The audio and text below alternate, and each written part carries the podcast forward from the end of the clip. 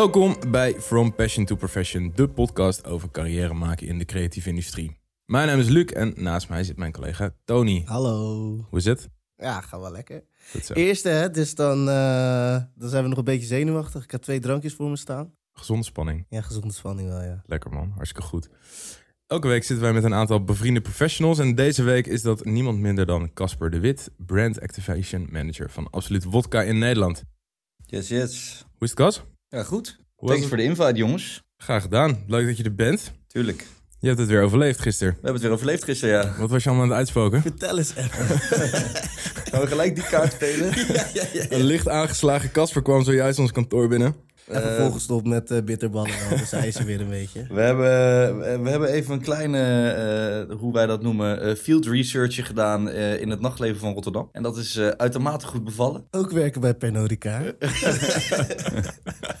wel dan. Oké, chill. Bel dan deelt, nee. Waar ben je geweest?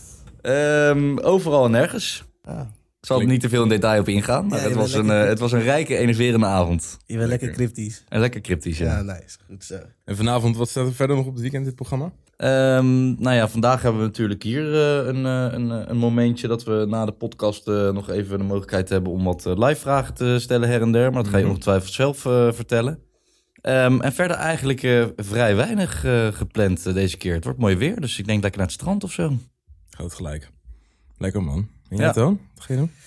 Ehm, ik moet eventjes leren wel. Ik moet nog de, eh, de schoolboeken in. En eh, verder genieten van het eh, lekkere weer, denk ik. En misschien haak ik wel even aan bij het strand. Of eh, zoek een bootje op en dan ga ik lekker door de grachten varen. Jij dan? Eh, gewoon eh, aan de bak hè, morgen weer. Het is weer zover. Ja, tuurlijk. maar goed, volgens mij hebben we allemaal een drankje voor ons staan, dus volgens mij kunnen we aan de bak. Zeker. Elke week duiken we dus in het carrièrepad van een van onze gasten en dat is deze week dus Casper. Eh Cas, wij kennen jou natuurlijk al best wel een tijdje en we weten ook echt wel wat jij doet bij Absoluut Wodka. Maar als iemand nou aan het luisteren is en die denkt, wat is in godsnaam een Brand Activation Manager? Wat, wat zou je diegene dan kunnen vertellen? Ehm, nou, eigenlijk als brand activation manager ben je verantwoordelijk voor het laden van, van je merk. Voor welk merk dan ook, of voor wat voor soort industrie ook werkt. Van je merk bij de juiste doelgroep in een bepaald land. Of voor de hele wereld natuurlijk, als je dat eh, doet. Ehm, en in mijn geval ben ik dus eindverantwoordelijk voor alle ehm, partnerships, visibility, eh, samenwerkingen, event samenwerkingen en andere samenwerkingen rondom Absoluut Wodka. Om er maar voor te zorgen dat we eh, de juiste doelgroep raken door ze door te activeren, door op de juiste manier je merk naar voren te laten komen. Ehm, door de juiste, met de juiste partijen samen te werken, wat een hele grote movement is tegenwoordig. ehm, Mhm. Voor de credibility van je naam. Nou ja, eigenlijk dat in een notendop. En wat is die doelgroep dan, waar je het over hebt? Nou ja, het is, een, het is een altijd bewegende doelgroep. Maar in het geval van Absoluut richten wij ons eigenlijk op de jonge progressieven. Ehm, mensen met een uitgesproken gevoel, uitgesproken uiting, ehm, vrije mening, vrije wil. Bepalers van de industrie, om het, eh, om het maar zomaar te zeggen. Waarom richt je op zo'n doelgroep? Is omdat, ja, natuurlijk, dat zijn invloedrijke personen. Dus dan, dan gaan de volgers daarin gaan daar heel snel in mee. Maar het komt ook heel erg ten goede van de naam en de, community om een bepaald merk heen. Als zij zien wat voor mensen er om je merk heen bewegen of wat voor mensen je merk volgen, dat komt altijd heel erg ten goede. Hoe we het in ieder geval nu terugzien. Het is een lastig meetbaar begrip, maar wel iets wat heel goed werkt. Hoe, eh, hoe, hoe zien mensen dat? Hoe krijgen ze dat mee? Dat je dat aan het bouwen bent? Nou ja, natuurlijk socials is een, eh, is een groot ding. Mhm. Ehm, maar waar wij voornamelijk eh, het heel erg in terugzien... is gewoon echt de juiste visibility creëren op de plekken waar ze komen. Ja. andere raakmomenten zoeken. Ehm, ja, we weten dat in mijn geval met absoluut wodka of wodka in het algemeen ligt het drangmoment gewoon na 10 à 11 uur. Maar Ja. daarom is juist het touchmoment is misschien nog wel veel eerder. Ehm, en dan s'nachts bouw je natuurlijk je grote visibility. Dus in clubs heb je gewoon een, een duidelijkere of een commerciëlere visibility. Eh, daarvoor probeer je ze eigenlijk te raken dat mensen he- denken... hé, hey, daar is absoluut weer. Of hé, hey, absoluut doet weer iets. Of iets Wat- in die richting. Zijn dat er wat minder voor de hand liggende plekken die je misschien minder snel aan een, aan een spirit zou, zou linken? Of Ehm, nou ja, dat is denk ik voor iedereen eh, voor zichzelf om in te vullen. Ehm, ik wil ook verder rest niet op deze manier zeg maar, per se zeggen dat dit de, de beste way to go is. Maar eh, bij ons werkt het heel goed. Wij werken bijvoorbeeld samen met bepaalde kledingwinkels. eh, met productlaunches of iets dergelijks. Om ervoor te zorgen dat je eigenlijk een, een moment hebt, een ander raadmoment waarbij ze een soort extra service biedt. Want je biedt natuurlijk een drankje aan onderaan een streep. Maar ook dat mensen denken, hé hey, tof, weet je, hier kon, er wordt een nieuwe sneaker uitgebracht. Daar komen bepaalde creatieve en bepaalde mensen op af die daar helemaal, helemaal in zitten. En dan die doelgroep, die wil je bereiken. Ja. En als die daar dan komen, er staat gewoon een vette bar, of in ieder geval een toffe bar, die ook nog eens past bij een dergelijke winkel of iets dergelijks. Ja, dat is gewoon vaak wel een goede match wat, wat goed werkt. En als je dan bijvoorbeeld gaat kijken naar. ehm, eh, want ik hoor heel veel dingen van touchpoints en events en samenwerkingen en alles. Ehm, ik neem aan dat je dat, dat. Is denk ik te veel om alleen te doen. Maar wat is dan precies jouw rol daarin? Wat, eh, In principe ehm, zorg ik. eh, we hebben gewoon natuurlijk. Absoluut Wodka is onderdeel van. Pernod Ricard is een drankendistributie. En we hebben gewoon heel veel drank in ons portfolio. En iedereen die eh, doet eigenlijk of sales of marketing. Dat is eigenlijk de basis. Natuurlijk heb je nog hele customer service en finance en weet ik het allemaal. Maar dat heb ik gelukkig allemaal niks mee te maken. Maar ehm, iedereen zorgt eigenlijk eh, voor zijn eigen ding. Nou, op het gebied van sales, die maken echt de commerciële deals. En die zorgen dat er geld verdiend wordt. Wat is mijn rol? Mijn rol zit eigenlijk in het bouwen van visibility en brand awareness in het horeca-kanaal. En het horeca-kanaal is dan events, festivals, clubs, externe locaties waar evenementen worden gegeven. Of andere evenementen waar je doelgroep rondloopt. En dat is op honderd manieren in te vullen. Dat kan echt van activeren zijn, samen concepten opzetten, tot eh, het uitbrengen van een eh, kledinglijn, tot eh, een, het, uitbrengen van een boek. Het, het kan allerlei kanten op, zolang je maar op het juiste moment de juiste plek bent. En daar ben ik eigenlijk voor verantwoordelijk. Zijn dit, je noemt nu best wel specifieke zaken, zoals het opzetten van een kledinglijn of, of een boek. Zijn, dat, zijn dit concrete voorbeelden die jij in de afgelopen tijd zelf hebt gedaan? Nou, ik refereer terug aan de Havana Club eh, Daily Paper samenwerking. Mm. Ehm, nee, dat is niet eh, helemaal uit mijn koker gekomen, zeker niet. Ehm, maar dat is wel een heel mooi voorbeeld van wat de drankmerken tegenwoordig doen ehm, om bij eh, hun doelgroep terecht te komen. Dus wat is er in dit geval gebeurd? Havana Club heeft een hele grote urban kant gekozen een, een, een enige tijd geleden. Zij willen heel graag met de urban cultuur in contact komen. En de urban cultuur staat extreem bekend om over eh, hoe komen wij vandaag de dag voor de dag. Weet je, hoe Ja. zien we eruit? Ze geven veel uit geld aan kleding. Ze geven om hoe ze er aan, aan de uiterlijke verzorging. En toen is Havana Club eigenlijk daar dan inderdaad met mij op ingesprongen. En toen is er een, een speciale lijn uitgebracht met het kledingmerk Daily Paper. Een van de snelst groeiende en grootste eh, ja, kledingmerken in die sector. Ehm, en daar hebben ze een limited edition fles uitgebracht. Ze hebben een kledinglijn uitgebracht. Ze hebben een evenement gegeven. Nou, allerlei weer touchpoints gecreëerd eigenlijk. Om ervoor te zorgen dat die doelgroep weer met elkaar in contact komt. En het allemaal limited te maken. Want dat vinden ze natuurlijk allemaal heel interessant. Als het Ja. bepaalde gelimiteerde oplagen maakt gewoon iets interessanter. Nou ja, en daar refereer ik eigenlijk op terug. Voornamelijk. Alright. Ik hoor best wel veel dingen die te maken hebben met die touchpoints en merken bouwen en alles. Maar als je dat dan bijvoorbeeld. eh, ehm, kijk, aan het einde, je, je zei net ook al bij dat voorbeeld van die, van die kledingwinkel. Onderaan de streep geef je een drankje weg. Aan het eind, eh, onderaan de streep moet er natuurlijk ook gewoon wodka verkocht worden. Wat is dan de verdeling, zeg maar, in jouw eh, werk tussen ehm wodka verkopen en merk bouwen? Want ik kan me voorstellen dat het niet alleen toeters en bellen kan zijn. Zonder dat het resultaat heeft onderaan de streep. Nee, zeker niet. Ehm, ja, die, eh, in principe met, wanneer je vanuit een marketingperspectief samen gaat werken met een club of, of, of met een bepaald evenement, dan ga je wel uitrekenen hoe je onderaan de streep je, je, je netto winst is. Dat doe ik samen met sales. Dus ja, ik ga er wel degelijk vanuit. En ik ga wel degelijk altijd met hun aan tafel kijken. Zit hier überhaupt een verdienmodel in? Hm. Maar waar vo- voornamelijk ook naar kijken, wat is de groeipotentie? Want ik kan wel heel leuk een bepaald idee hebben van een club en, en die wil ik heel graag hebben. Maar als deze club toevallig absoluut wodka al koopt, Ja. ja. wat is mijn groeipotentie dan? Ja, Ja. niks eigenlijk. Maar ik kan dan misschien wel extra visibility creëren, toffe creatieve visibility creëren, wat mensen tof vinden, wat weer heel goed is voor je brand awareness. Ja. En daar zit, daar zit de verdeling eigenlijk in. Dus nee, ik doe niet echt verkoop. Ik word ook niet afgerekend op de verkoop. Maar ik richt mij met in dit geval Absoluut Wodka, die zich heel erg richt op nightlife en events, op natuurlijk de hoge volume locaties in Nederland. Ja. Ehm, En welke locaties zijn het dan bijvoorbeeld? Ja, dat verschilt heel erg. We hebben in Nederland eh, eh, zitten we in, in, in clubs van de Pip in Den Haag tot de Marktkantine in, in Amsterdam tot eh, de complex in Maastricht. Ehm, nou ja, eigenlijk heel breed, maar wel een beetje in dezelfde muziekstroming, in dezelfde doelgroep. Ehm, omdat wij zien dat dat gewoon het beste past bij het DNA van Absoluut. Dus daar richten wij daar ons op.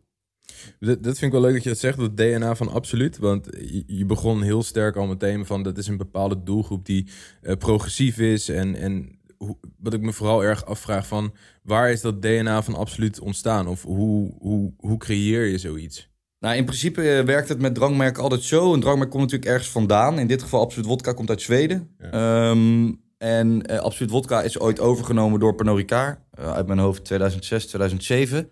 En, die, en dat, eigenlijk komt er dan een soort van marketingbedrijf te zitten in Stockholm. Die, Ja. die een DNA gaat schrijven. Ehm, waarom in Stockholm? Dat nou, Absoluut Vodka hoofdkantoor zit natuurlijk in Stockholm. Ehm, en die schrijven eigenlijk een, een DNA uit. Zoals we dat dan eh, heel simpel noemen. En wat staat er in een DNA? Wat zijn de kernwaardes van een merk? Ehm, hoe moet het merk eruit zien? Hoe willen we het merk uiten?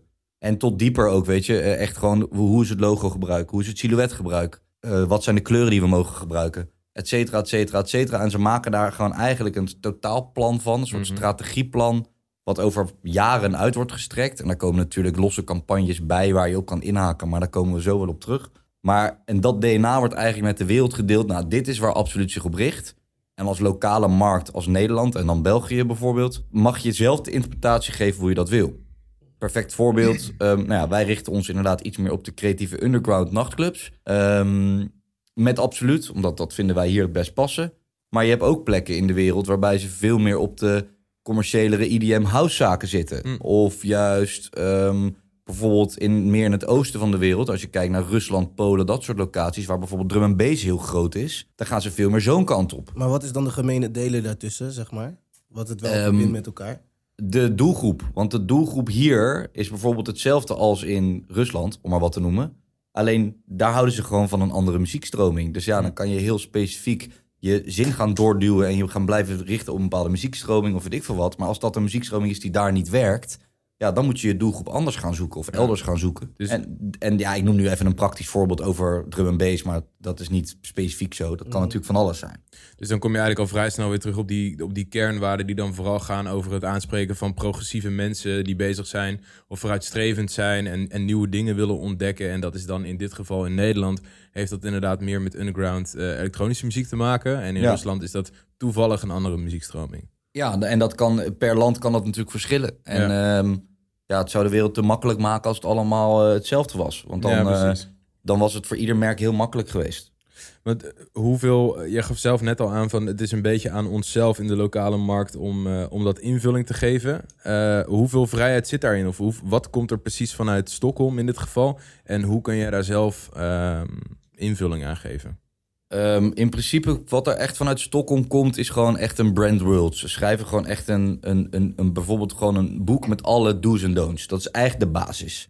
En er zit natuurlijk ook bij van, nou, wat zijn onze brand beliefs? Waar geloven we in? Waar staan we voor? Wat is onze visie? Wat is onze missie? Het staat allemaal in een gigantisch, eh, zeg 120 tellen dik eh, boek. Hm. Ehm, en op basis daarvan kan jij zelf bepalen in je eigen land waar je je op focust. Daar zit volledige vrijheid in. Hm. Dus als wij ons willen focussen op hardcore omdat wij denken dat dat past bij ons merk, dan kan dat. Dat Hm. maakt helemaal niet uit.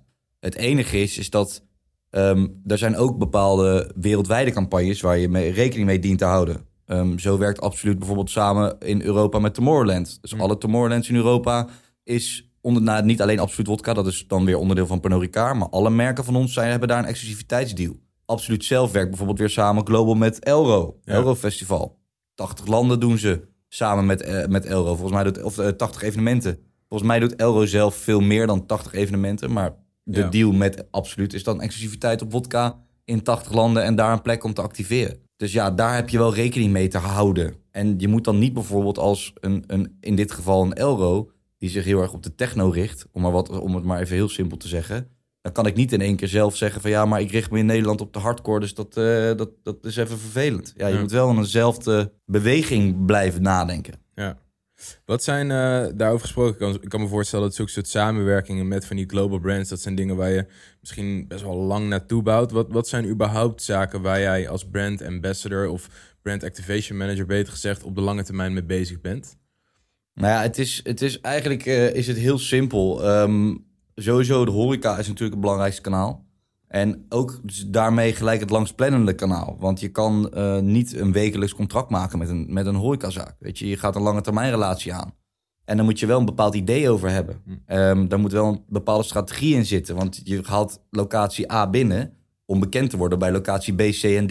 Weet je zo. En als je dan één locatie hebt, dan moet je wel al voor jezelf bepaald hebben. En dat is een plan. Ja, we schrijven ieder jaar bijna een soort driejarenplan. En ieder jaar wordt er weer gekeken, oké, wat willen we de komende drie jaar? Want dan kan je je focussen op je eerste jaar. En dan kan je kijken hoe ver ben ik. Nou oké, dan gaan we het weer aanpassen en dan gaan we weer verder. Hm. Dus in principe plan je een soort van altijd drie, vier, vijf jaar vooruit. Maar dat heeft eigenlijk te maken met contracten. Dat is best lang. Ja, maar dat komt omdat horeca heeft altijd, nou, 9 van de 10 keer, een contract voor drie of vijf jaar of vier jaar. Hm. Maar ook evenementen hebben dat vaak. Ja. Festivals hebben vaak vergunningen voor vijf jaar. Ehm, hebben vaak drankdeals voor drie jaar. Dus je moet ook wel, want je kan niet in één keer halverwege de drie jaar denken... ik ga me op totaal iets anders focussen. Ja. In hoeverre is dat dan ook gelinkt aan, aan andere, wellicht meer puur op je merk gerichte campagnes? Nog één keer.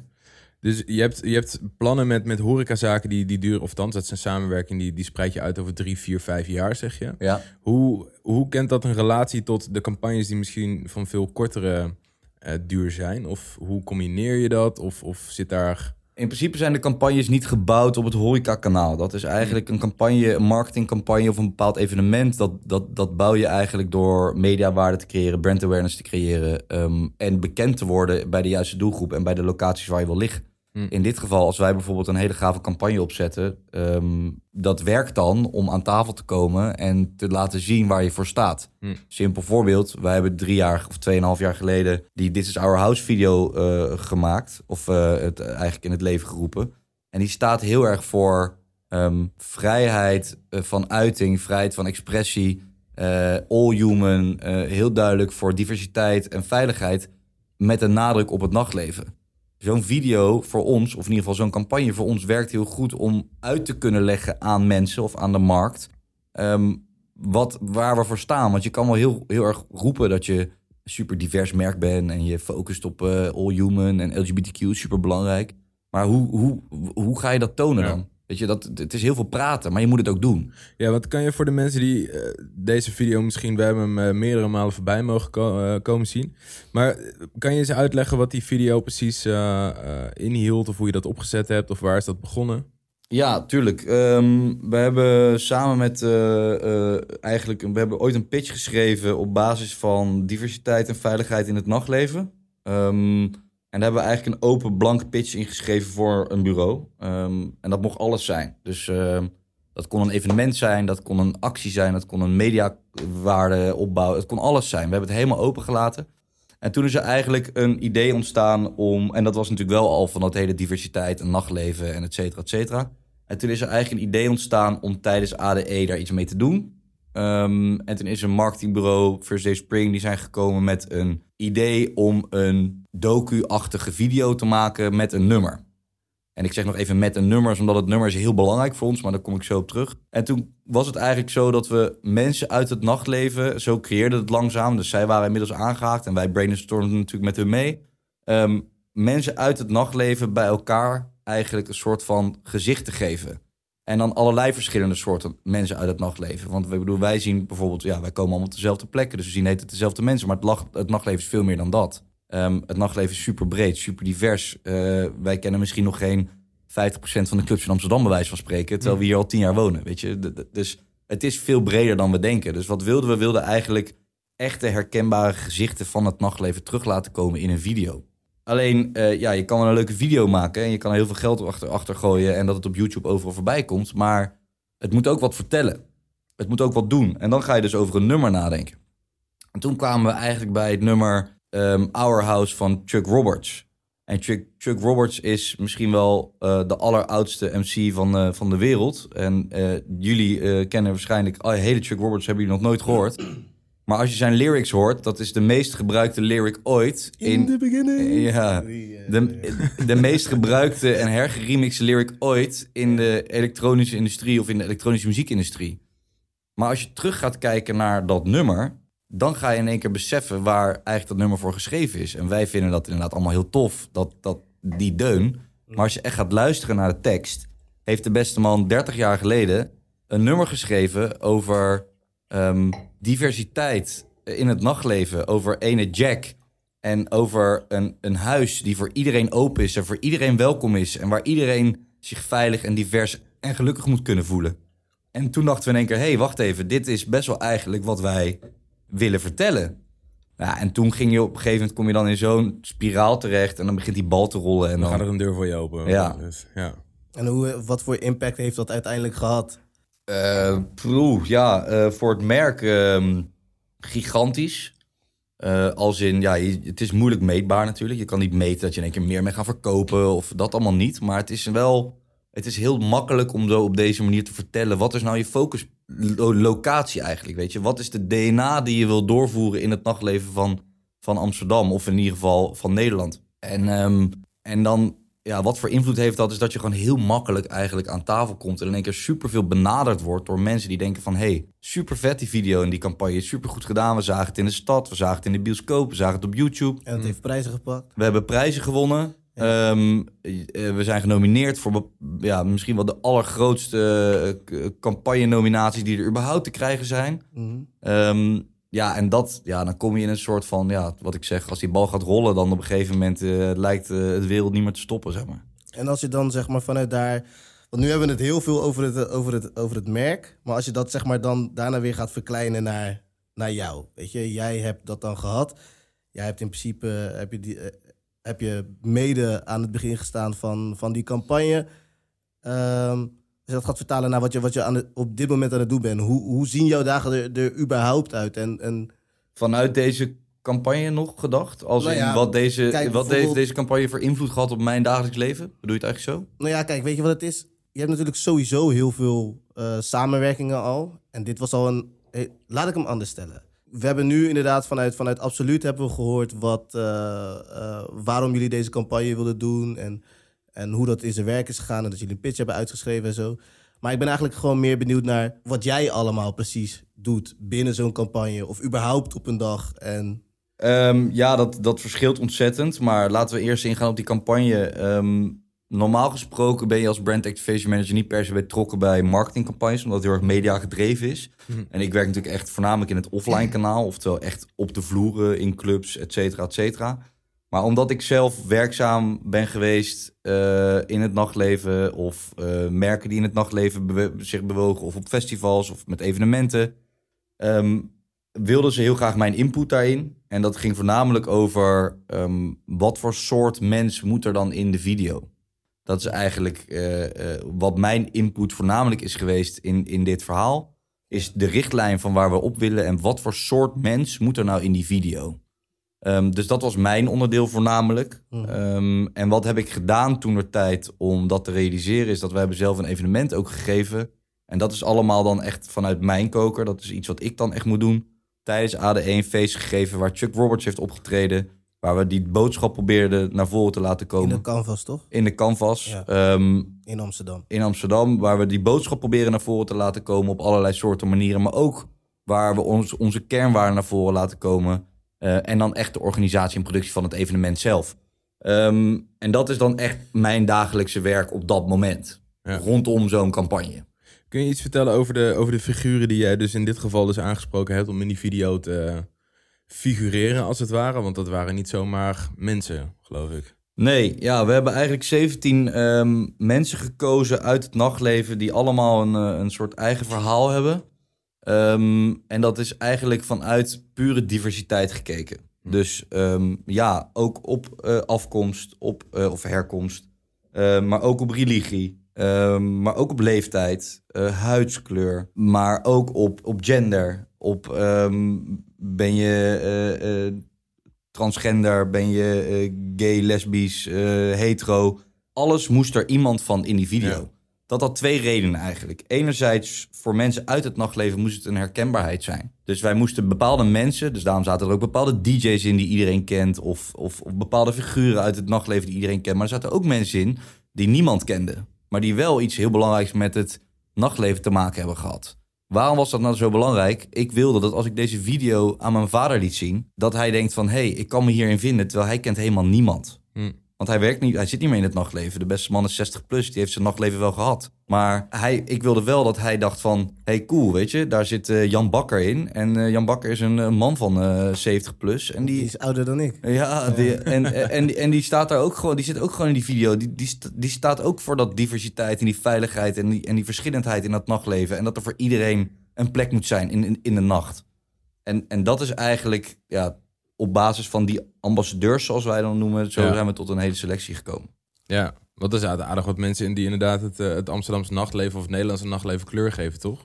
Er was een nachtburgemeester van Amsterdam. Volgens mij zat Filou daarin. Williams zat erin. Ja, de oude nachtburgemeester Mirik Milan en de nieuwe nachtburgemeester Miel van der Geld zaten erin. Ehm Filou zat erin. eh, William Joko zat erin. Jan Bakker. Maar een van de dingen ehm, die ik misschien nog wel het meest trots op ben... en dat is heel gek om te zeggen... maar er zat ook een vrouw in... eh, en ik kan de achternaam alleen niet uitspreken... maar de voor- voornaam was Fatima.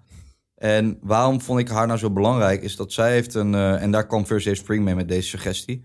Zij heeft een, ooit een heel eh, artikel geschreven over, eh, over het nachtleven. Ik weet niet meer precies wat de hele titel was en waar het over ging.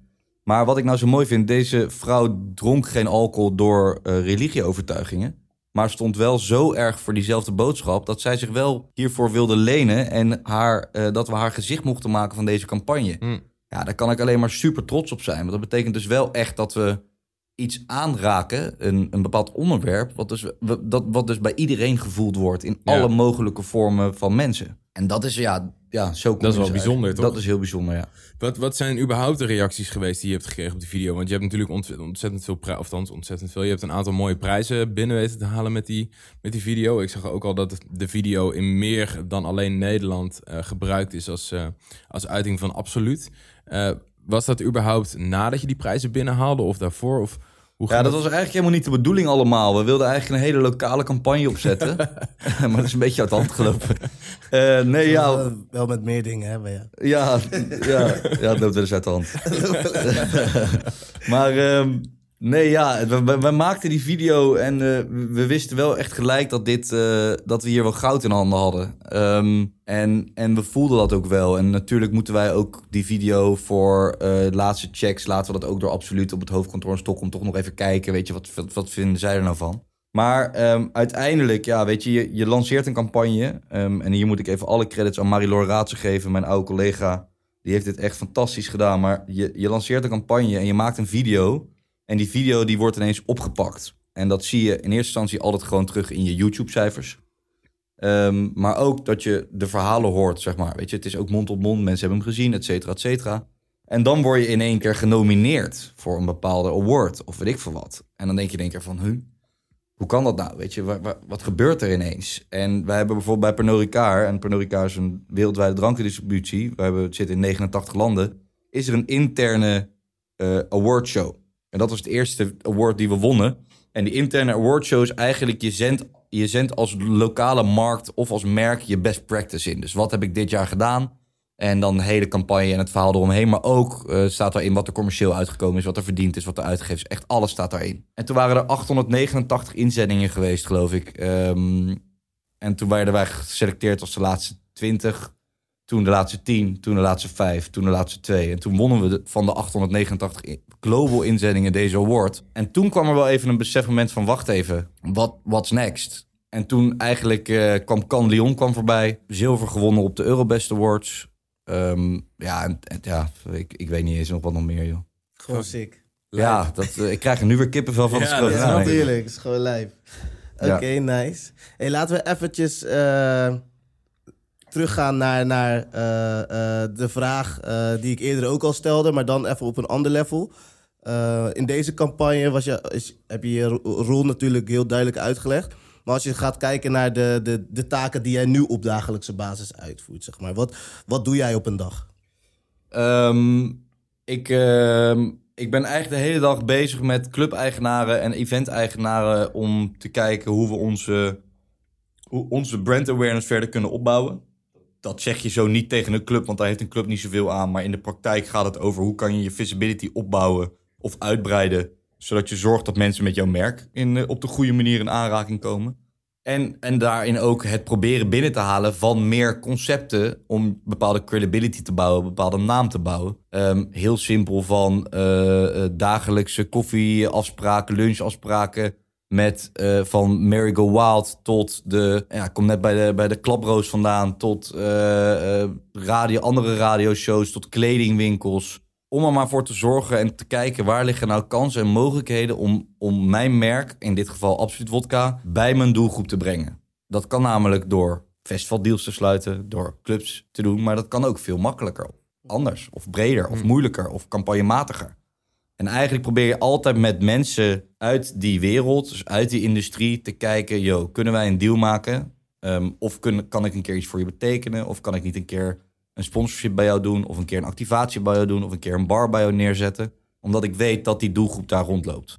En als die doelgroep me iedere keer maar weer overal tegenkomt, daar bouw je je merk mee. Ja. Dus het is een hele sociale job. Het is een extreem sociale job. Ja, Ja. ik zit één à twee dagen in de week op kantoor. En verder rest ben ik eigenlijk buiten de deur. En ik zit eh, of eh, in een lunchroom. Of eh, we zitten eh, in het Soho-house. Of we zitten ehm, in, in een andere plek in Nederland. Om er maar voor te zorgen dat je onderaan een streep ben je het gezicht van het merk in een land.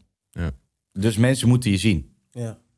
En dat kan je alleen maar doen door daar te zijn. En niet te skypen of te bellen. En natuurlijk bellen werkt, want dat is een bepaalde relationships management dat heel belangrijk is. Dus ik ben de hele dag met mijn klanten aan het bellen. Maar het, is, het allerbelangrijkste is gewoon menselijk contact. Gewoon iemand in de ogen aan kunnen kijken. En dan kom je echt tot plannen. Is, is, eh, ik wilde eigenlijk vragen, wat zijn een beetje de karaktereigenschappen die een, een, een brand activation manager moet hebben? Maar wat, wat denk jij? Wat, wat, hoe zou jij dat beschrijven? Ehm, Komt Ik dat ook denk, weer neer op dat eh, sociale contact? Of? ik denk dat het eh, in, in mijn geval ehm, is het heel belangrijk je netwerk goed te onderhouden. Dat doe je inderdaad door sociaal contact, maar ook gewoon echt het goed onderhouden van je netwerk. Eh, Geen loze beloftes maken en er gewoon echt eh, er voor mensen zijn. Het, en laten ook het aan kunnen tonen dat je anders bent dan anderen. Als persoon, maar ook als merk. Waarom als persoon is omdat dan bouw je voor jezelf ook een bepaalde gunfactor. Kom je makkelijker aan tafel. Dus ja, voor mij kernwaarde rondom de persoon als ik in deze baan is heel erg gedreven op ehm, ja, sociaal contact, je afspraken na te komen, jezelf niet voorbij te lopen.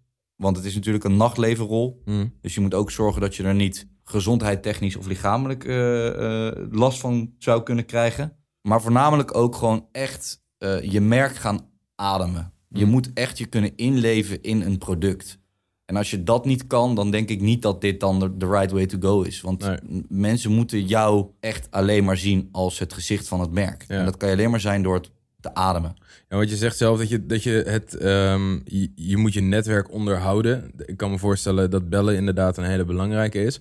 Maar je moet ook gewoon op heel veel plekken zijn, toch? Ja, zeker als je begint. Ik moet zeggen, nu na drie jaar wordt het wel wat minder. Ja. Omdat je makkelijker niet meer overal bij hoeft te zijn. Maar als je begint is het het allerbelangrijkste. En ik, ik wil helemaal niet nu ehm, zeg maar, tegen de mensen zeggen die luisteren van... joh, je moet overal maar bij zijn. Want dat is ook niet goed voor je. Je moet je momenten kiezen waar Ja. jij denkt dat de juiste mensen zijn. Maar voornamelijk eh, kies momenten waar je ook een praatje kan houden met mensen. En wat bedoel ik daarmee? Ik kan ieder weekend wel een club bezoeken in Nederland. Maar in een club is het lastig praten. Dus pak ook je momenten juist dat je weet dat bepaalde mensen naar een netwerkborrel gaan. Of dat ze bij een diner zijn, of dat ze op een verjaardag zijn, of dat er een bol is, of weet ik veel wat. Pak daar je momenten. Want daar kan je makkelijker naartoe. Heb je minder last van dat je altijd maar in de nachten weg bent. Maar dan kan je daadwerkelijk met iemand praten. Ja. Ja, waar ik eigenlijk wel benieuwd naar ben. Eh, je bent natuurlijk niet van de een op de andere dag eh, brand activation manager geworden. Gingen natuurlijk best wel veel stappen aan vooraf. Ehm, je komt uit Den Haag, toch? Uit een echte horeca-familie. Ja, Kun je daar misschien iets meer over? eh, Zeker. Hoe, eh, Zeker. welke stappen je hebt genomen vooraf? Eh, in een notendop even hoe het allemaal gegaan is. Ik kom inderdaad uit Den Haag. Ehm, mijn ouders komen beide uit de horeca. Ehm, zaken gehad of eh, bedrijfsleider geweest of eh, whatever. Ehm, mijn zus eh, zit nog steeds in de horeca. En eigenlijk inderdaad, daar ben ik een beetje verliefd geworden op het vak. Ehm, en dan bedoel ik eigenlijk even horeca in zijn algemeenheid. Ja. Ik wilde toen de tijd ook altijd een, heel graag een eigen horecazaak hebben of weet ik veel wat. Wil je dat nog steeds? Of- Eh, alleen nou ja, het tijd? zit niet in de pijplijn, maar toen de tijd wilde ik het echt heel graag. Ja, ja je weet nooit wat er gebeurt. Maar in principe is dat niet, eh, dus niet het target om daar naartoe te reizen. Nee. Hmm. Maar In ieder geval, ehm, ja, dus ik kom echt uit een horecagezin. Ik was eigenlijk vaker buiten de deur uit eten dan, dan thuis aan het eten. En dan krijg je een bepaald gevoel voor, voor de industrie. Uiteindelijk ben ik ehm, eh, eh, hotel- en eventmanagement gaan studeren om deze reden. En daar raakte ik eigenlijk verliefd op de evenementenwereld. Natuurlijk ging je heel veel uit en je ging heel veel naar feesten en dat soort dingen allemaal wel. Maar daar dacht ik, hé, hey, wacht even. Eigenlijk is dit voor mij de best of both worlds, zeg maar. Omdat het is de evenementenwereld, maar ehm, de evenement is eigenlijk een pop-up horeca. Mhm. En dat vond ik heel interessant. En toen Ja. ben ik later hotel en eventmanagement gaan studeren, heb ik bepaalde stages gedaan. En door die stages ben ik eigenlijk eh, in die evenementenwereld gerold. Ehm, toen inderdaad eh, veel evenementen gedaan. Um, Soenda Smeerboel eh, heb ik nog mijn afstudeerstage heel lang gedaan. Alleen toen had ik nog wel heel erg sterk het gevoel dat die horeca heel erg in me zat. Dus wat heb ik eigenlijk als eerste baan gehad? Ik ben ehm, planner, trainer, eh, v- intercedent, whatever hoe je het wil noemen, bij een hospitality uitzendbureau geworden. 68 degrees of zo. was dat 68 degrees, ja. Maar was dat nog in Den Haag? Of waar- Nee, dat was in Utrecht toen de tijd. En wij deden al het personeel van eh, de Sky, of tenminste veel personeel van de Skyboxen in voetbalstadions voornamelijk. Ja. Ja, dat was natuurlijk top. Ik was eh, net afgestudeerd. Eh, ik kon lekker eh, iedere, iedere week kon ik naar een voetbalstadion. Maar toch bleef dat evenementenwereldje wel, wel kriebelen. En toen ehm, heb, ben ik eigenlijk via, via, via ehm, terechtgekomen bij de Fabulous Shaker Boys. Fabulous Shaker Boys is een cocktail cateringbureau. En daar werkte ik tijdens mijn studie als shaker. Want daar heb ik een van mijn stages gelopen. En ik was cocktail shaker daar. En toen zeiden ze eigenlijk, wil jij niet eventmanager worden hier? En Eh, waar, zat Fabulous Shaker Boys? In Amsterdam. Oké. Toen ben ik naar Amsterdam verhuisd. Was dat een bewuste keuze? Eh, nee, ik wilde eigenlijk niet naar Amsterdam. Waarom? Maar ehm, dat was ook Hoe een beetje uit de hand gelopen. Ja, dat is even goed uit, jongen. ja, afslagje Maar- gemist, nooit meer weggegaan. Maar waarom, eh, waarom niet dan? Ja, ik weet niet. Ik zat wel lekker in Den Haag. Ik, ehm, ik heb eh, in Rotterdam gezeten. Ik heb in Utrecht gezeten. En ik, ik zat daar eigenlijk wel goed. Ik had niet per se heel veel met de stad Amsterdam, maar ik had er ook niks op tegen. Ehm, ik moet zeggen, toen tijdens mijn stage... Eén dingetje wel. Eén klein dingetje op tegen. Gelukkig zit dat net buiten het centrum. In ieder geval, gymzaal. In ieder geval, ehm zullen we dat eruit knippen? Nee, nee, nee laat er lekker in. Ehm, nee, maar. eh, ehm, dus toen ben ik inderdaad in Amsterdam terechtgekomen. En ja, toen ben ik toch één, ik ben verliefd geworden op de stad. Echt waar. Eh, ik ben voornamelijk de roering, de, het gevoel, die evenementen-vibe, die nachtleven hier. Ja, dat vind ik gewoon fantastisch. Maar in ieder geval, ik werd eventmanager bij de Fabulous Shaker Boys. Ik heb daar twee jaar gezeten of langer. Ehm, en daar was ik eigenlijk verantwoordelijk voor alle uitgaande evenementen of cateringen. We deden cateringen bij, in achtertuinen tot eh, bruiloften, tot wereldwijde campagnes met corona in Mexico, China, weet ik het allemaal. Maar, maar ook ehm, eh, eh, evenementen die we zelf gaven. We gaven zelf feesten in, de, in het Amstelhotel bijvoorbeeld. Dan huurden we gewoon bijna dat halve hotel af. Ja, daar was ik gewoon eindverantwoordelijk voor die hele productie. En ja, toen, ja, ja wat, wat nog allemaal daarna gekomen is. Eh, ik heb nog tijdelijk bij eh Apenkooi gezeten. Ehm, daar was ik verantwoordelijk voor. eh, ze hebben ooit een foodtruck. Nou, het was niet echt een foodtruck, het was meer een soort foodfestival gegeven. En dat heette Schaft. Daar ben ik gevraagd om daar de natte horeca te doen, om het zo maar te noemen. Dus verantwoordelijk voor de deals maken met leveranciers van bier fris tot sterk. Ehm, maar ook echt de daadwerkelijke uitvoering. Dus waar komen de barren, hoe en et cetera, et cetera. Helemaal super productioneel, super technisch. Klinkt allemaal heel tof. Was het ook. Ehm, kort project, maar wel leuk. Maar daar merkte ik eigenlijk dat ik één ding nog bij mezelf miste. Ondanks hoe tof ik het ook vond. En ik voelde echt dat die productie en die hele vibe en die hele wereld zat heel erg in me. Maar één ding wat ik echt miste, dat was het letterlijke merkgevoel. Ehm, oftewel het bouwen en bedenken en strategisch meedenken en bouwen voor, echt vanuit een merk. En toen ben ik eigenlijk bij een brand activation bureau beland, Guest. Waar we heel veel activaties deden voor drankmerken, voor winkels, voor cosmetica merken, voor et cetera, et cetera, et cetera. En toen dacht ik, kijk, dit is iets wat heel erg bij mij past. Dit is iets wat namelijk horeca heeft, of tenminste gedeeltelijk. Dit is iets wat productioneel heel erg is. Dus het is ook echt op projectmatige basis. Echt knallen, schema's en afronden. Maar ook heel erg vanuit een gevoel, vanuit een product, vanuit een merk. En dat heb ik eigenlijk maar eh, heel kort gedaan, negen maanden. Want toen eh, eh, kwam ik, eh, liep ook een beetje uit de hand. Want toen kwam ik per ongeluk in contact eigenlijk met Pernod Ricard. En vroegen ze mij brand ambassador te worden van Absoluut. Daar heb ik ja, lachend ja op gezegd. En binnen een jaar werd dat brand activation manager voor vier merken eigenlijk. En dat, dat is nu nog steeds zo. Ja. En dat zijn welke andere merken nog buiten Absoluut? Ehm, ik, doe, ik ben ook verantwoordelijk voor Havana Club, Havana Club, Kalua en Malibu in Nederland. Ah ja. En ik doe dan voor alle andere merken in ons portfolio ook nog de festival samenwerkingen. Oké. Even een andere vraag, wat me ineens te binnen schoot. Want ik dacht, Guest, eh, Fabulous Shaker Boys, Pernod Ricard, het zit allemaal in Amsterdam. Jij zei eigenlijk, ja, ik wilde niet naar Amsterdam. Ehm,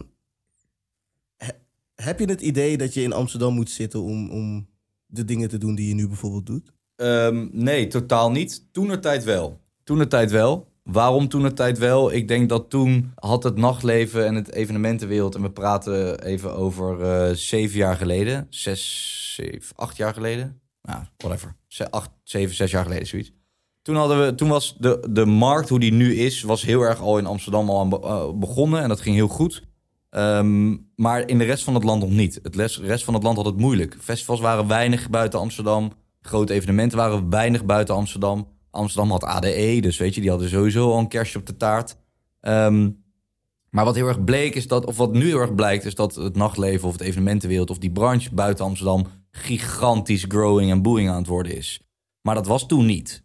En dat, ik voel me echt een oude lul om dat te zeggen, maar dat, dat is heel simpel. Zeven jaar geleden was dat gewoon. Het was er wel, tuurlijk. Want, en het was er nog veel heftiger misschien wel in andere steden. Kijk naar een Now Wow vroeger of iets dergelijks. Maar het was niet zoals dat het zeven jaar geleden in Amsterdam was. En ik moet nu zeggen, nu zie je wel echt een movement dat het helemaal niet meer zo is. Rotterdam, super opkomend. Utrecht, super opkomend. Maar ook steden als Tilburg, Maastricht, eh, Groningen, Vergeet Breda niet, hè? Breda, sorry. Breda, super opkomende eh, evenementen, nachtmerken, nachtsteden, whatever. En dat zie je terug in festivals die super groot zijn in die regionen. Dat zie je terug in evenementen. Maar dat zie je voornamelijk, waar ik het heel erg in zie, is credible clubs. Gewoon nachtleven, een plek voor iedereen. En dat heb je in heel veel steden in Nederland gewoon niet gehad. En dat begint nu wel te komen. Dus nee, ik zou zeker niet zeggen dat je nu in Amsterdam moet zitten om in deze industrie te werken. Ja, ik vind het wel grappig, want ik heb ook altijd wel eh, tijdens mijn studie het idee gehad van ja, als je, als je niet in Amsterdam gaat zitten, dan ben je wel redelijk af. Maar eh, als je dan inderdaad om je heen kijkt nu, dan maakt het niet zoveel uit. Want overal Nee. heb je wel toffe merkactivatiebureaus zitten. eh, Evenementenbureaus, Evenementenbureaus, inderdaad. Dus dat, dat, dat maakt elkaar niet zoveel meer. Maar is, is het niet dat nog steeds heel veel bedrijven er destijds voor gekozen hebben om naar Amsterdam te gaan? En dus zit hier nog steeds wel. Ja, hoeveel procent zal het zijn? Is, is, is, Ja, ik durf dat niet te zeggen, maar ik durf zeker wel te zeggen dat dat inderdaad toen de tijd wel de reden was. Ja. Je ziet alleen nu dat er gewoon hele grote partijen, ook buiten Amsterdam, het gewoon heel goed doen. Kijk naar de jongens van Soenda, Jasper en Joris, die gewoon altijd stug in Utrecht zijn blijven zitten, weet je. Ehm, kijk naar, ehm, eh, in Den Haag heb je eh, bijvoorbeeld met de Crave en alles, dat, soort- die zijn gewoon in Den Haag blijven zitten. Ja, dat, dat, dat, dat, daar zegt ook iets over. ja, Ja. Maar dat is wel iets van nu. Ja. En het is inderdaad wel, je, er zat altijd al heel veel potentie, maar deze mensen hebben wel echt moeten bouwen en eh, weet ik veel, eh, jarenlang droog brood moeten eten voordat, eh, voordat het uiteindelijk zeg maar, tot volle wasdom kwam, denk ik. Ja, dat, dat, dat durf ik niet te zeggen. Ik kan niet in hun portemonnee kijken. Maar ik denk wel dat inderdaad, Luc, wat jij zegt, dat dat, en wat jij trouwens ook zegt, dat dat inderdaad, toen, het, toen wij in deze industrie kwamen werken, acht, negen jaar geleden, dan was dat wel heel erg het gevoel. Je moet in Amsterdam Ja. zitten hiervoor. Ja, waarom? Omdat hier misschien 80% van de evenementenbureaus vandaan komen. Ja, dat is true. Maar je moet ook niet vergeten dat er bijna een miljoen mensen in deze stad wonen. En dat het veel makkelijker is om hier een club te beginnen dan dat het is in andere steden. Ja. In andere steden moet je veel, moeite, veel meer moeite doen omdat er minder mensen op de been zijn of omdat er minder mensen langs je club lopen om die mensen in je zaak te krijgen. Is, is dat nog steeds, denk je? Ik bedoel, we horen ook wel eens verhalen dat Amsterdam een beetje verzadigd raakt. En dat het juist vol is. Ehm, nou ja, ik, ik, ik, ik durf dat niet te zeggen of dat nog steeds zo is. Ik weet wel dat, dat de partijen buiten Amsterdam. Het is als, als, laat ik het zo zeggen. Het is voor clubs buiten Amsterdam, maar ook in Amsterdam hoor. Want dat ligt natuurlijk weer aan seizoenen en weet ik het allemaal. Maar voor buiten Amsterdam is het gewoon moeilijker om mensen te krijgen. Waarom? Omdat hier gewoon 800, 900.000 mensen wonen. En volgens Hmm. mij zo'n 2 tot 2,5 miljoen mensen zich per dag door die stad heen bewegen. Ja, dat is, er is geen één stad in Nederland die heeft zoveel mensen.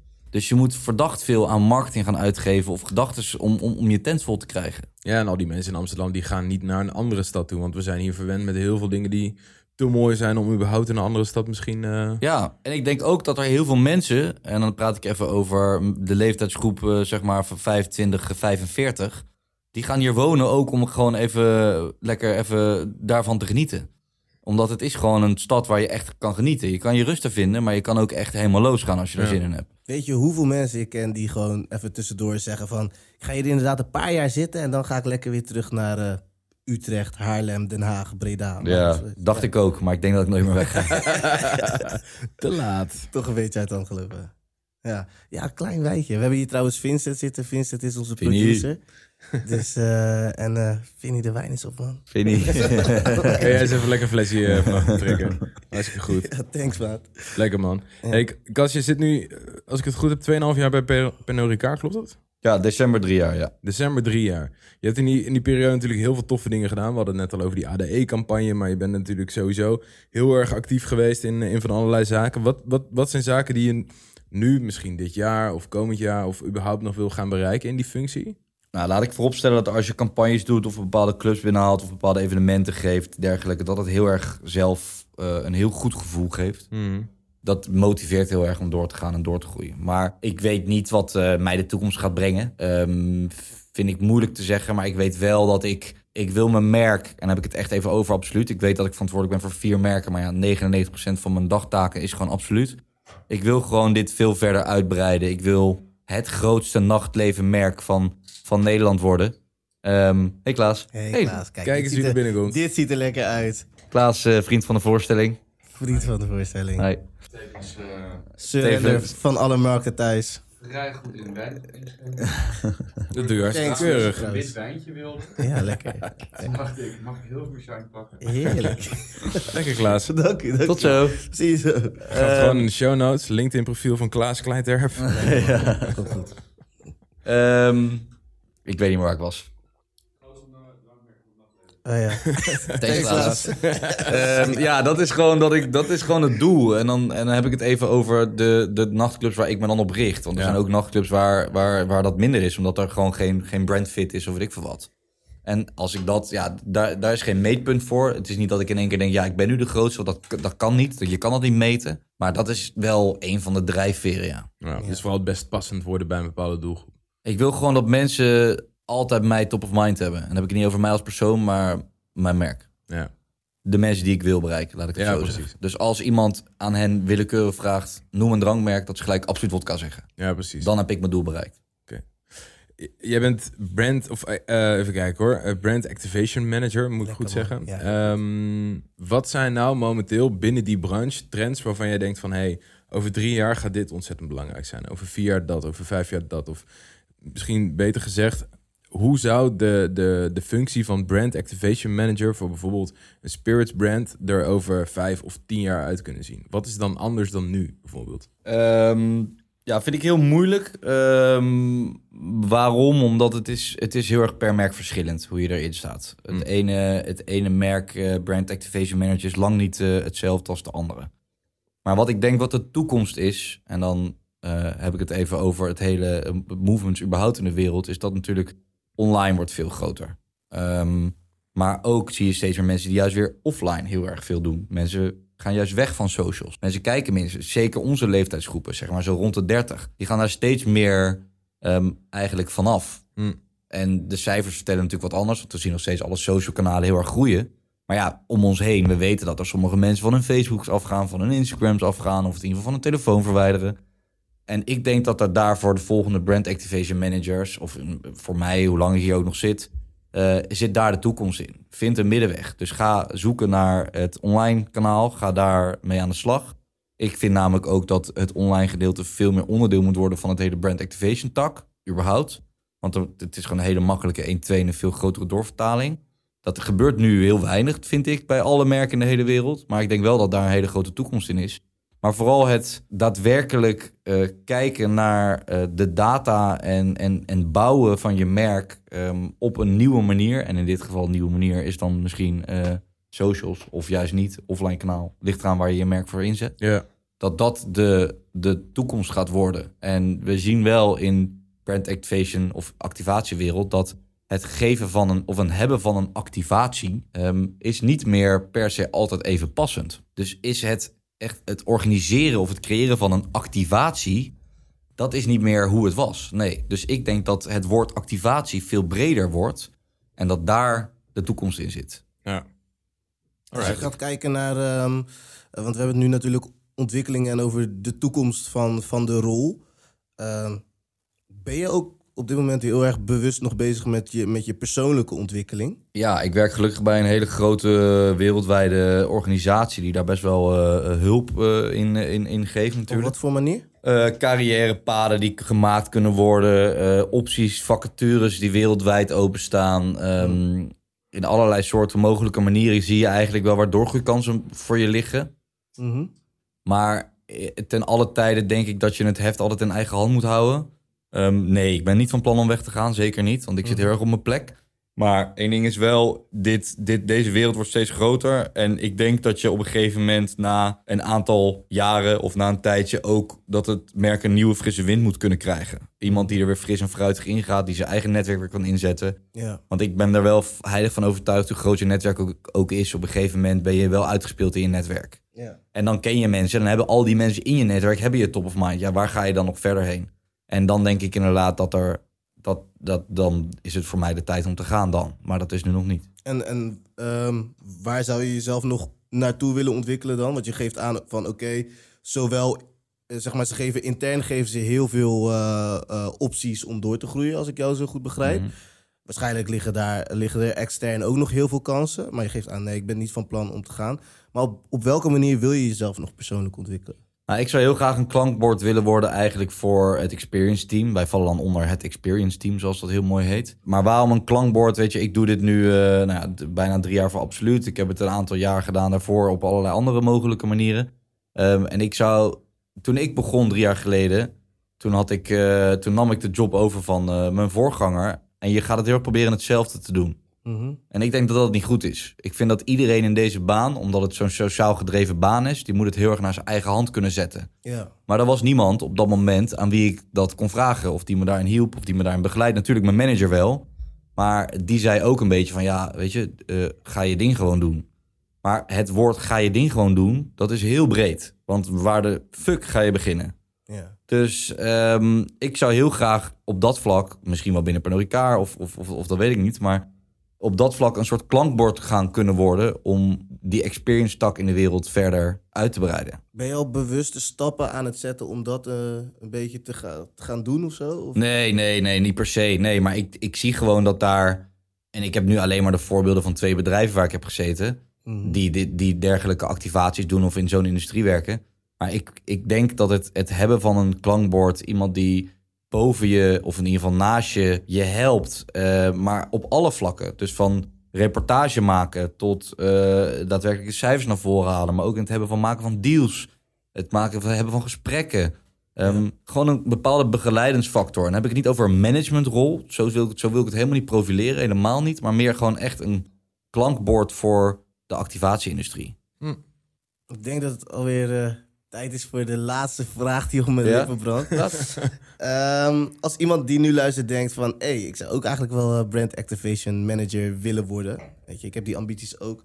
Welke tips zou je diegene dan kunnen geven? Ehm, ik heb ze al even voorbij laten komen, denk ik. Maar ehm, waar ik heel veel uit heb kunnen halen... is mijn jarenlange investering in mijn eigen netwerk. Mhm.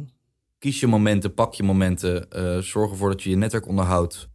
En als je het eng vindt om op iemand af te stappen... dan eh, stuur hem een LinkedIn-bericht, stuur hem een Facebook-bericht... zodat je niet face-to-face hoeft te praten. Probeer koffieafspraken daarin te maken, et cetera, et cetera. Maar probeer mensen uit de industrie te gaan leren kennen. Dan krijg je een gunfactor, dan krijg je een mensen om je heen. Dan ga je de juiste mensen leren kennen om op bepaalde plekken terecht te komen. Want wat het één ding zeker is, je kan niet studeren om brand activation manager te worden of brand ambassador te worden. Dat, dat ben je of dat zit in je. Ehm, maar je kan het wel worden, maar je kan er alleen niet specifiek een studie voor doen. En hoe kan je het worden? Zorgen dat je sociaal bent, zorgen dat je in de industrie, in dergelijke industrie, in dit geval evenementenwereld, want brand activation manager kan je ook bij een evenementenbureau zijn. Ehm, maar dat je daarin mensen leert kennen, dat je de merken leert kennen en dat je ook begrijpt vanuit een marketingachterkant, wat het voor impact heeft wat je doet. Want ik weet vanuit mijn ervaring dat ik het eerste jaar misschien wel dacht van waar doe ik dit eigenlijk voor?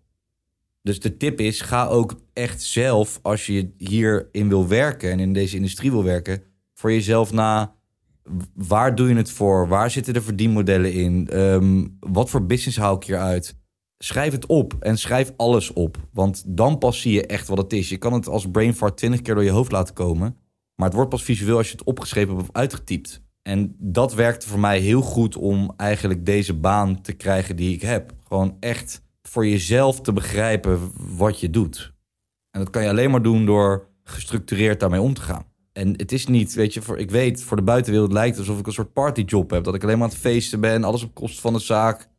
Champagne spuiten, wodka suipen, ik weet ook het. heel zwaar. Het is, maar nee, maar dat wil ik. Nee, het is helemaal niet zwaar. Het is, het is de beste baan die ik van mijn leven ga hebben waarschijnlijk. Want het is de grootste vrijheid die er is. Ja. Maar het is niet meer, het is het niet meer. Het is niet alleen maar feest. Het is niet alleen maar gekkigheid. Dat is wat jullie zien online. Maar dat is ook heel belangrijk. Ja. Dat mensen dat wel van je denken. Mhm. Want dan word je een soort van grappige gimmick gezicht van een merk. ja. Ja, dat is hem. ja. Dat zou ik mensen mee willen geven. Ja. En loop jezelf niet voorbij. Dat is het allerbelangrijkste. En dan heb ik het niet over faam, helemaal niet. Maar gewoon echt probeer je momenten te kiezen. Want deze industrie in sommige steden is gewoon eh, Kan je heftig. gewoon opslokken, ja. En dan moet je gewoon eh, voor waken. Dan moet je echt voor waken. Oké. Thanks, Heel goed. man. Jullie bedankt. Ik vond het heel leuk, jongens. Ik denk dat we er inderdaad eh, bij deze zijn. Ja. Dit was hem, de eerste podcast. Oh, dat is dat goed. Last van je schouders. Oh, toch? last van mijn schouders, man. Ik heb niet geslapen vannacht, maar... eh, nee, nee, dat was leuk, toch? Ik vond het leuk, jongens. Ik kan niet anders Dat is zeggen. nice. We gaan nog even door straks, hè? is wel de bedoeling, ja. Ja, wij gaan hier op eh, kantoor gaan we nog even verder met eh, Fat Friday. Waarbij eh, bevriende professionals eh, ook nog aan onze community gaan vertellen eh, wat hun carrièrepad is. Iets korter waarschijnlijk dan hier. Maar Wie weet. Je weet het niet, de avond is nog jong. ja, de avond is nog jong. En daarna drinken we nog een paar biertjes of wijntjes. Dus dat is, eh, Wodkaatjes. Absoluut wodkaatjes. Absoluut wodkaatjes. Absoluut Misschien wodkaatjes. nog wel een Absoluut bitterballetje wodka. Absoluut wodkaatjes, sorry. Absoluut wodkaatjes. Absoluut. Hebben we er nog een beetje zin in daar? Ik heb er wel zin in, ja. Ja? ja. Lekker. Ah, lekker man. Nou, hartstikke goed. Volgens mij heeft eh, Casper nog wel een paar flessen absoluut bij. Top. Volgens mij moeten we hem hier gewoon gaan afsluiten. Dit was dus Passion from to... Zo, from, from- passion to profession. Ik doe hem gewoon nog even een keertje. Eh, Ik ben blij dat jullie geluisterd hebben. Volgende week zitten we hier gewoon weer. En dan hopen we weer een fantastisch mooi verhaal met een van onze gasten te kunnen houden. Bedankt voor het luisteren. En we hopen dat jullie het En- hartstikke leuk vonden. Thanks, guys. Bedankt aan eh, onze producer Vincent natuurlijk. Vinnie. Lekker gewerkt, Pik. Shout out naar Vinnie. Later.